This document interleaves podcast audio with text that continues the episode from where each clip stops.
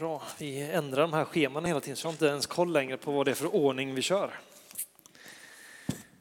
Vi ska läsa en evangelietext också, alltså en eh, berättelse från Jesu liv, från en av de fyra evangelieböckerna. Och vi går till Johannes evangeliet.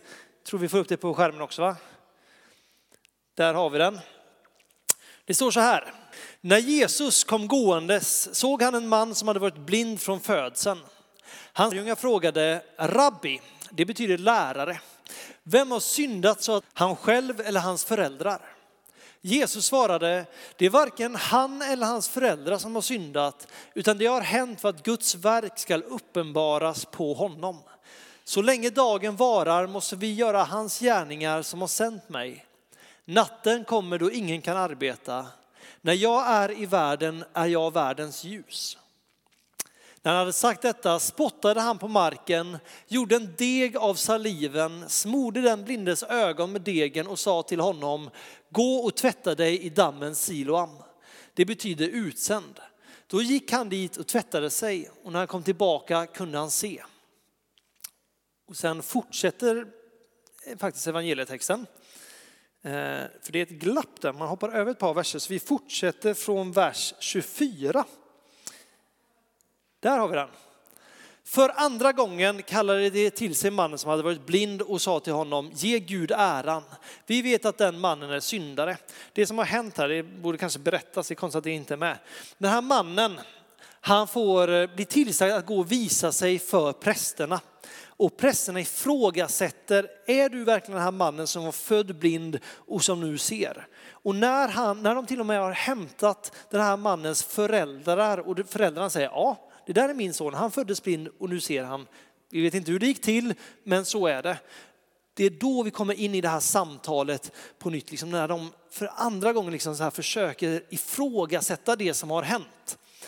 Så säger de till slut då att när de har insett att den här mannen som var blind, han ser nu. Så säger de, ge Gud äran. För att vi vet att den mannen, alltså Jesus, är en syndare. Den blinde mannen, eller han som hade varit blind, svarade, han är en syndare vet jag inte. Men ett vet jag, att, han som var blind, att jag som var blind nu kan se. De frågar honom, vad gjorde han med dig? Hur öppnade han dina ögon? Han svarade, jag har redan berättat det för er, men ni lyssnade inte. Varför vill ni höra det igen? Vill ni också bli hans lärjungar? Då hånade de honom och sa, det är du som är hans lärjunge, vi är Mose lärjungar. Vi vet att Gud har talat till Mose, men varifrån den här mannen kommer, det vet inte vi. Han svarade, ja, det är det som är märkligt. Ni vet inte varifrån han är och ändå har han öppnat mina ögon. Vi vet att Gud inte lyssnar till syndare, men den som tillber Gud och gör hans vilja lyssnar han till. Aldrig någonsin har man hört, hört något, att någon öppnat ögonen på en som är född blind. Om han inte var från Gud skulle han inte kunna göra någonting. Det svarade, du är helt och hållet född i synd och du undervisar oss. Och de körde ut honom. Jesus fick höra att de hade kört ut honom. När han fann honom sa han, tror du på människosonen? Han svarade, vem är han herre? Säg det så ska jag tro på honom.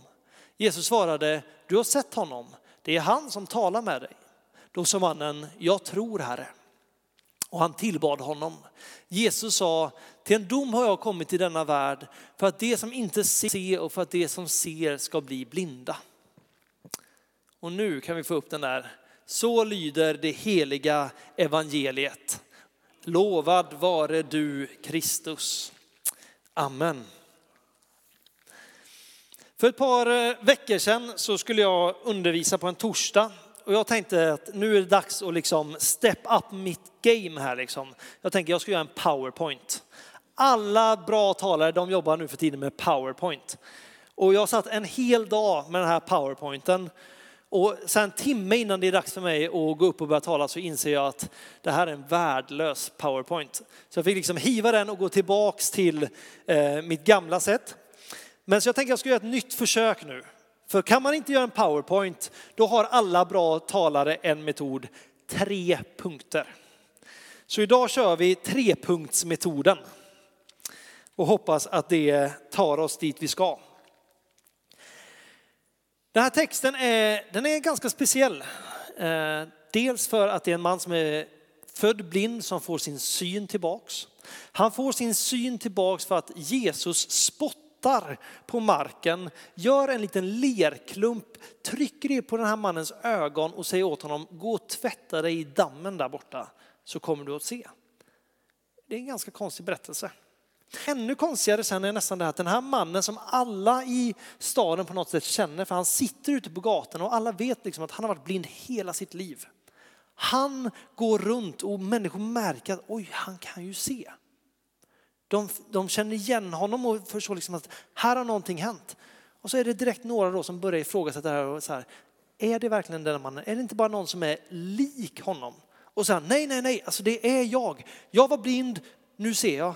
Fast är han inte bara lite lik han? Det finns liksom ingen riktigt, de är så förvånade över det som har hänt så de, de fattar inte. Så de säger, ja, men du får gå och prata med prästerna. Och prästerna förstår inte alls, så de får till och med hämta föräldrarna som säger, vi vet inte hur det här går till, men det är sant. Jag tänkte att vi ska gå igenom den här berättelsen lite och se, för jag tror det finns tre punkter, eller tre grejer som Gud vill säga till oss idag. Och jag tror precis som Lovisa sa förut att Jesus, han lever. Jesus är verklig idag. Jesus vill möta oss och han vill komma in och få en relation med oss. Men det är inte alltid lätt att tro. Det är inte alltid så att vi förstår vad det handlar om. Men när vi får möta Jesus, när vi börjar gå med honom så kommer han in och han förändrar våra liv. Så även för den här blinde mannen som blev utskrattad av prästerna, de som kunde om Gud i hela samhället, de skrattar ut honom och hånar honom för vad det är han säger. Men han vet vad han har varit med om. Och när han möter Jesus så säger han, jag tror på dig och jag tillber dig för vem du är. Jag tänker så här, Jesus, han kommer gåendes tillsammans med sina lärjungar och på avstånd så ser lärjungarna den här blinde mannen. Och de ställer sig och kollar på honom och troligtvis diskuterar lite mellan sig och så frågar de Jesus och de säger Rabbi, alltså lärare, du är vår lärare. Hur kommer det sig att han är blind? Är det för att han själv har syndat eller är det han, hans föräldrar som har syndat? Och för oss är det kanske en ganska konstig tanke. Vi tänker så här, ja, men han har syndat, han kanske har snott någonting och då har han blivit blind. På Jesu tid så var det en ganska normal tanke att synden får konsekvenser. Att om du är sjuk eller du är med om en olycka eller någonting så beror det på att du har gjort fel i ditt liv. Och så kommer den här frågan, men han föddes ju blind. Hur kan någon, ett spädbarn i magen ha gjort fel så att du föds blind? Är det då föräldrarna som har gjort fel? Så de står här liksom och försöker diskutera och försöker reda ut det här. Så de frågar Jesus, vem är det som har gjort fel så att den här mannen är blind? Och Jesus svarar egentligen inte på den frågan, utan det är Jesus säger är att det är varken hans fel eller hans föräldrars fel. Utan han är blind för att idag kommer Guds vilja eller Guds gärningar bli uppenbarat på honom. Jag tror inte att det är så att Jesus säger att det är Gud som har gjort honom blind för att han sen ska hela honom. Men jag tror att Jesus, han ser personen som sitter där. Han börjar inte direkt fundera på vad har den här personen gjort för fel? Vem är det som har sårat honom? Vad har han varit med om som är traumatiskt? Utan han tänker, vad vill Gud göra i den här människans liv idag? Och det blir en helt annan lösning. Istället för att ha en diskussion om vem som bär ansvaret så ser Jesus, vad vill Gud göra i den personens liv idag? Jag tror det kan vara så för oss ganska många gånger. När vi tänker på Gud så börjar vi kolla på våra egna liv och så tänker vi, ja men jag har gjort bort mig. Jag har kanske ljugit, jag har kanske till och med skäligt någonting eller jag kanske inte ens gillar att gå i kyrkan. Bibeln är ganska tråkig. Jag vet inte riktigt vad jag ska göra med det. Och så helt plötsligt så känns det som att nej, Gud vill nog inte riktigt ha med mig att göra. Gud kommer nog hålla lite distans till mig därför jag vet att jag kanske inte är så bra som han önskar att jag var. Väldigt mänsklig tanke att tänka. Och det tråkiga och det som vi ser bland lärjungarna är att andra människor kan tänka så också. När vi möter andra människor så är vi så snabb med att döma en person. Vi är så snabba med att tänka men han är ful eller han ser klen ut eller han är nog lite speciell eller lite dum. Jag vill inte riktigt ha med den personen att göra. Jag vill inte bli kopplad med en sådan person. Den här personen, den blinde mannen, han var utstött i samhället. Han hade aldrig kunnat få någon utbildning, aldrig kunnat få någon jobb, han var fattig, det är därför han sitter och tigger. I den här traditionen så fanns det att alltså, man spottade efter människor som satt och tiggde, man spottade efter blinda och spetälska och sådana som gick på gatan. Så kan vi känna och så kan vi uppleva det eller så kan vi till och med tänka om andra. Men det Jesus gör är att han ser inte på bristerna. Han ser inte vad den här personen har varit med om utan han ser potentialen. Han ser vad kan Gud göra i den här människans liv. Och det Jesus gör, det är konstigt, vi kommer, kommer tillbaka till just det här med själva spottandet och leran. Det är inte så Jesus vanligtvis helar. Eh, det är vanligtvis inte så som vi i kyrkan gör när vi vill ha någon, att vi gör en salivdeg. Men Jesus gör det och jag tror att det finns ett syfte med att Jesus gör det, men vi kommer tillbaka till det på slutet sen. Men jag tror att det finns någonting där i, i mötet med Jesus, att han ser Guds potential i var och en av oss. Så även när vi ser på oss själva och kanske skäms över vilka vi är, hur vi ser ut eller vad vi har gjort, så ser Jesus, tänk vad jag kan få göra i den människans liv. Och det han gör är att han går fram till den här personen. Han möter och börjar prata med den här personen. Väldigt ofta i berättelserna i Bibeln så är det människor som ropar till Jesus. Jesus hjälp mig, hela mig, befria mig. Den här mannen, vad det står, det nämns ingenting om att han ropar. Det nämns inte om att han säger någonting till Jesus. Utan Jesus går fram och gör den här leran, stryker den på mannens ögon, säger åt honom gå och bada i Siloamdammen och du kommer bli helad. Och mannen blir helad. Punkt två då. Det här är en konstig berättelse. Det gripar, det är svårt att förstå vad det är som händer. Och det är det som händer i samhället också. Ingen förstår vad det är som pågår. De skriftlärda eller prästerna, de som kan allting, de som kan Bibeln utan och innan, de får inte det här att gå ihop. Jag tror det är så här, därför att Paulus säger det senare, att tro, att tro på Gud, att förstå Guds det är inte logiskt. Det är inte fullt logiskt rimligt att greppa det här. Paulus säger till och med för, för den här världens visa, alltså för de som är kunniga, för de som är smarta, så är det här en ren dårskap. Det Jesus kommer med, det Jesus erbjuder, den Jesus säger att han är, det är rent ut sagt idioti. Att Gud själv blir en människa att han går omkring och han helar människor, inte med medicin, utan genom att bara tala till dem så blir människor friska. Och det han sen gör det är att han dör på ett kors och uppstår igen ifrån de döda. Och om vi tror på det så kommer vi bli förlåtna all vår synd. Vi kommer få ta del av Guds härlighet och vi kommer få vara med honom i evighet. Börjar vi tänka på det, så om vi bara zoomar ut och bara kollar på den tanken, så låter det för bra för att vara sant och det låter fullständigt skogstokigt. Och det är nog så människorna upplever det här. Det är nog så prästerna upplever det här, att det här är ingenting vad vi har sett tidigare. Paulus, han säger så här i första Korintierbrevet. Så här, första Korintierbrevet 1, vers 18 och framåt. Ty detta budskap om korset, alltså att Jesus har dött på ett kors och uppstått igen ifrån de döda. Det är en dårskap för dem som blir förtappade. Men för oss som blir frälsta är det en Guds kraft.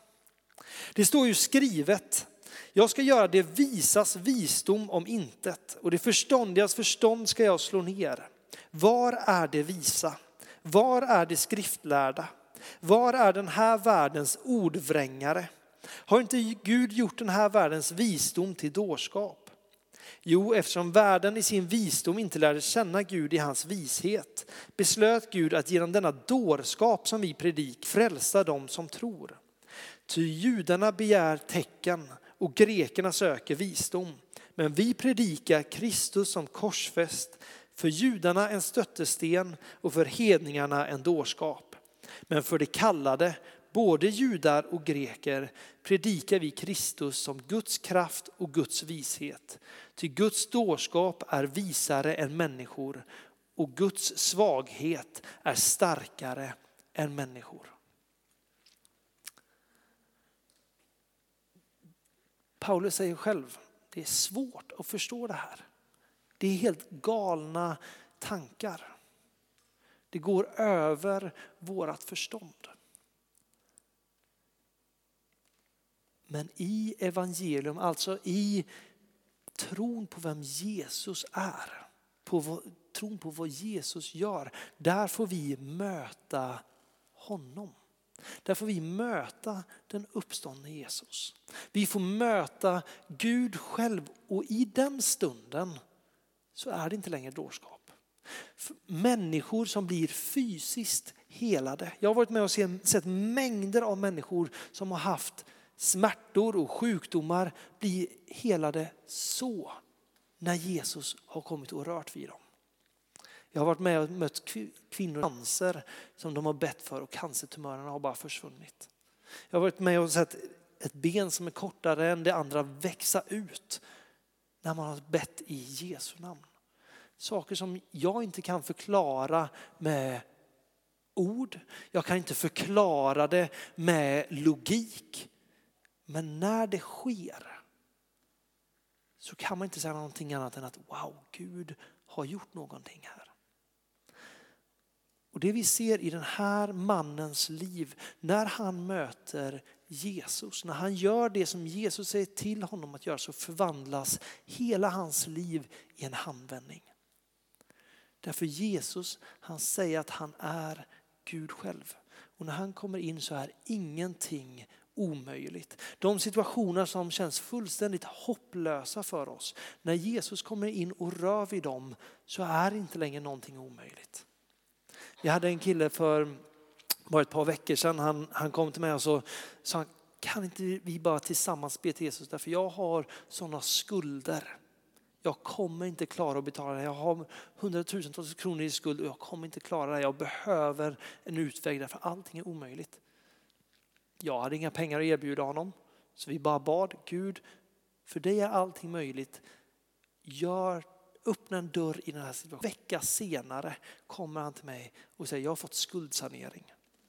De håller på att ta bort alla mina skulder. På fem år så kommer jag vara helt skuldfri. Från ena dagen till den andra så var han helt hopplös. Jag vet inte vart jag ska ta vägen genom en bön och ett svar ifrån Gud så vände han hela hans livssituation. Samma sak ser vi i den här berättelsen. Människorna som hör historierna, de förstår det inte. De hör en förstahandsberättelse, det här har jag varit med om. Och människor står fortfarande och tänker, äh, det här kan inte vara sant. Det kan inte fungera så här. Människor som föds blinda får inte bara sin syn tillbaks. Förstår ni vad jag försöker säga? Rent logiskt så går inte det här ihop för oss. Och det kan vara svårt för oss att tro. Men när vi får möta Jesus, och det är det Jesus säger, Jesus vill möta med var och en av oss. Så är det som känns som mest omöjligt, det är det som känns som en fantasi. Det blir hur självklart som helst. Den här mannen han står inför, han kan garanterat inte läsa. Han har inte läst en bok i hela sitt liv eftersom att han har varit blind, han har varit fattig. Han står lärda och han börjar undervisa dem. Det här som ni säger, det, det är märkligt. Men han måste vara från Gud för att kolla vad han har gjort. Och jag tror det är så här. Att ganska ofta för oss så blir det svårt med tron. Det kan vara svårt att tro på allting. Det kan vara svårt att tro på Noas ark. hela världen blir översvämmad av vatten och det, hela en ark fylls av djur. Det är en konstig berättelse. Det finns en berättelse om Jona som ligger i magen på en fisk. Det, det är en svår berättelse att tro på. Det kan vara så att vi inte riktigt gillar sångerna vi sjunger i kyrkan eller sättet folk pratar på i kyrkan. Och som sagt, vissa bibeltexter kan vara ganska tråkiga. Man känner att jag, det här går inte riktigt ihop för mig. Det känns lite dårskap. Men sen börjar Jesus att röra vid oss. Han börjar att dra lite i oss och han börjar visa vem han själv är. Och helt plötsligt, för jag, jag tror så här, jag har mött mängder av människor. Jag har varit konfirmandledare eh, i många år och jag har mött så många människor, ni vet coola hockeykillar till exempel, som kommer in liksom, och de har en hård jargong, de har en hård liksom, gruppdynamik och kör stenhårt på det här, liksom, att det här med kristendom är tuntigt. Och sen börjar man märka det att det är en eller kanske två som de tycker det är jobbigt att vara med på till exempel en kvällsbön därför de märker att det finns någonting i mig som börjar längta efter Jesus. Det finns någonting i mig som börjar längta efter mer men jag måste hela tiden tänka på hur de andra ser på det. Men man ser den här kampen att Jesus börjar dra i dem, börjar skapa en längtan. Och när de väl tar steget, bam, helt plötsligt är det hur många andra som helst som bara så, oj jag har känt samma sak, jag vill ha samma sak. Därför att när Jesus börjar dra igen så den där dårskapen som man först bara skrattar bort, som man bara liksom lägger åt sidan, Dårskapen blir till ett skämt. Det är vad Paulus säger, att det som är världens vishet, alltså när vi tänker på vetenskap och allt sånt där, när den försöker tala emot Gud, har man mött Jesus, vet man vem han är, så säger man så här, ni kan försöka bevisa vad ni vill, men jag har sett honom. Jag har rört vid honom, jag har upplevt han i mitt liv. Det väger så mycket tyngre än någonting annat. Och jag tror att där finns en sån grej. Det är lätt för oss att börja tumma lite. Det är lätt för oss att försöka göra Jesus mer begriplig. Försöka göra Guds rike mer begripligt eller inte så främmande för människor så att vi börjar göra om det. Men, men det Bibeln egentligen säger är att det är inte fullt lågt, det är inte fullt begripligt. Men kraften finns innan vi börjar tro på det. Då kommer Guds kraft som kan förvandla vilken situation som helst. Men om vi börjar ta bort saker för att det ska vara lättare för människor, då tar vi också bort Gud ur det. Vi ska förklara det enkelt, men vi ska hela tiden hålla oss till sanningen. Finns det den tredje punkten och då går vi tillbaks till, till den här blinde mannen. Tänk er själva, han sitter där på vägen. Helt plötsligt kommer det fram någon till honom. Vi vet inte om han är medveten om att det är Jesus eller inte. Han hör i alla fall, så ligger en spottsalva på, på marken. Han hör liksom hur någon börjar knåda någonting och sen stryker han det på den här mannens ögon. Och så säger Jesus, gå och tvätta dig i Siloam. Den här mannen har ett val att göra. Antingen blir han fly förbannad för att han har blivit spottad på. Eller så vet han faktiskt är och så blir han fly förbannad för han vet att Jesus brukar hela genom att bara lägga handen på huvudet. Varför gjorde han inte det med mig? Eller så går han och gör det som Jesus sa till honom att göra för att se vad som händer. Och jag tror det är så här, vill vi börja se Guds kraft, vill vi börja se det här som gör det omöjliga möjligt i våra liv. Så handlar det om när Jesus säger någonting till oss så gör vi det. För jag är ganska övertygad om den mannen hade gått till en helt annan damm och tvättat sig så hade han inte sett. Utan det finns någonting i när Jesus har sagt någonting och vi lyder det, det är då miraklerna börjar ske. Jag tror det är samma sak då i, i våra liv. När Gud börjar tala till oss, när Gud börjar dra i oss. Vi har ett val. Antingen så responderar vi på det där Och det är okej okay att säga att jag förstår inte. För ofta när Gud börjar prata med oss så förstår vi inte fullt ut. Vi förstår inte hur det ska gå till. Därför att Gud kallar oss inte till saker som är möjligt i egen kraft. Då hade han bara varit en livscoach. Han kallar oss till att göra det omöjliga. Därför att han är guden som gör det möjligt. Så när han börjar dra i oss så får vi göra det där valet. Antingen respondera, även om jag inte förstår, även om jag inte tror allting, även om inte jag förstår allting. Så går jag ändå Jesus till mötes. Jag väljer nu att säga Jesus, jag, men jag, jag tror att du finns. Jag förstår inte hur det hänger ihop, men jag tror. Eller Jesus, bara säga en sån bön i tro. Jesus, om du finns, visa mig då vem du är. För när vi gör, när vi faktiskt responderar på det Gud gör, då kommer han in med sin kraft. Då kommer han in och vill förvandla våra liv. Även de jobbigaste situationerna. Han kommer in och han vill förvandla våra familjesituationer, våra vänsituationer, arbetssituationer, klassituationer, vad det än är. Där vill Gud komma in och göra grejer. Men vi har ett val när vi märker att han, han börjar dra i oss. Han börjar ändå locka på oss. Antingen så tänker jag det här är inte för mig och så går jag. Eller så responderar jag och ser vad händer när jag faktiskt börjar lyssna till Gud. Jag tror att det finns en, en inbjudan till oss där ikväll. Att jag tror att det finns människor här inne, inte bara av er som är nya utan även av som brukar komma hit på, på tisdagar. Jag tror att det finns någonting där Gud börjar kalla lite på oss. Där Gud börjar dra lite på oss. Där, Gud, där vi längtar efter att få se mer av vem Gud är. Eller vi längtar efter ett mirakel. Eller vi känner att Gud börjar kalla oss till andra människor. Så börjar han dra lite. Och där har vi ett val. Antingen sitter vi och bara väntar på det. Eller så agerar vi. Vi testar det som Gud gör och ser vad som sker. För Gud han, inte, han är mycket mindre intresserad av dina fel och dina misslyckanden än vad du är. Vi fastnar hela tiden med att tänka att jag är dålig eller jag räcker inte till.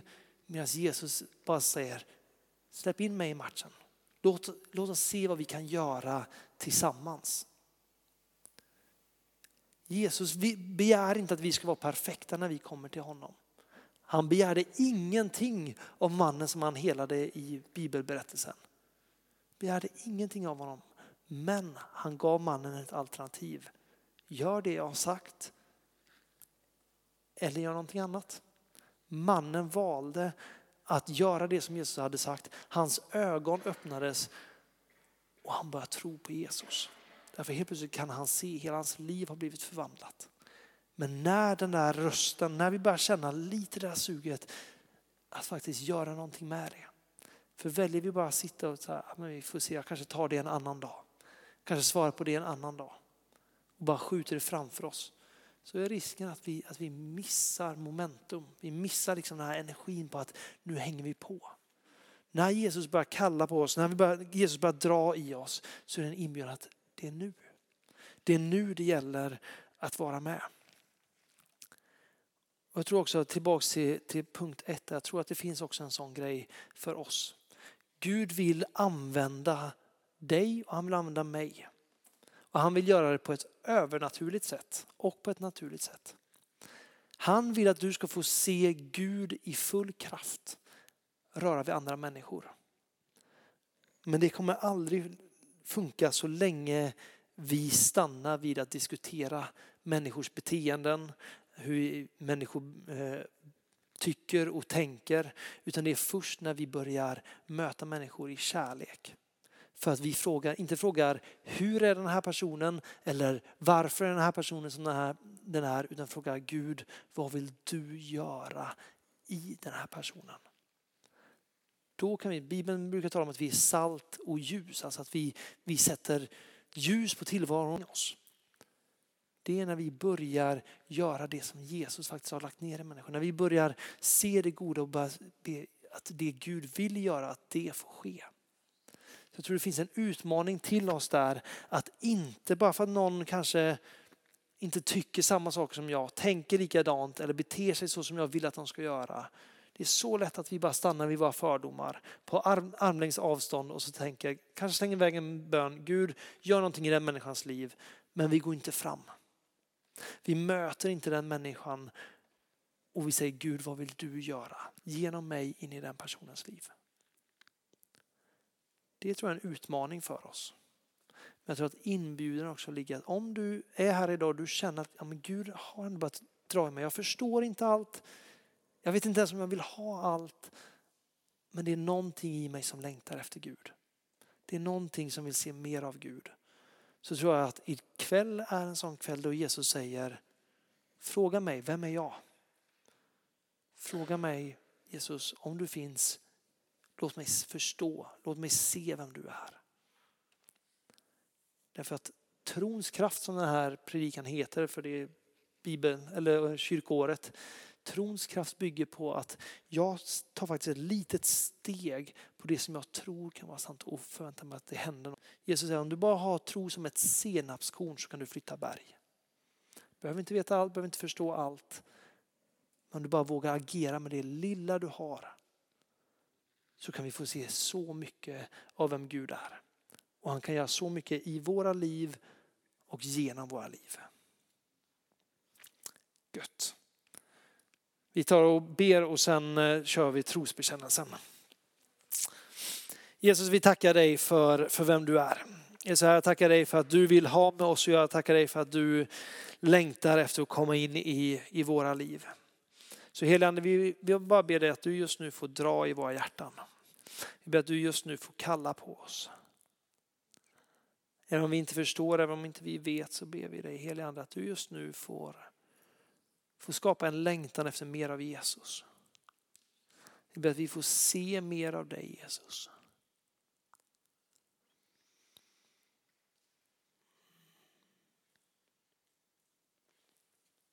Bara vi ska vänta en liten stund. Bara, ta, ta nu det här tillfället i akt och bara så här, Jesus, visa mig vem du är. Låt mig förstå mer av vem du är. Så enkelt är det. Du behöver inte ens tro att han hör dig. Men bara säg de orden till Jesus. Jesus, om du finns, visa mig vem du är.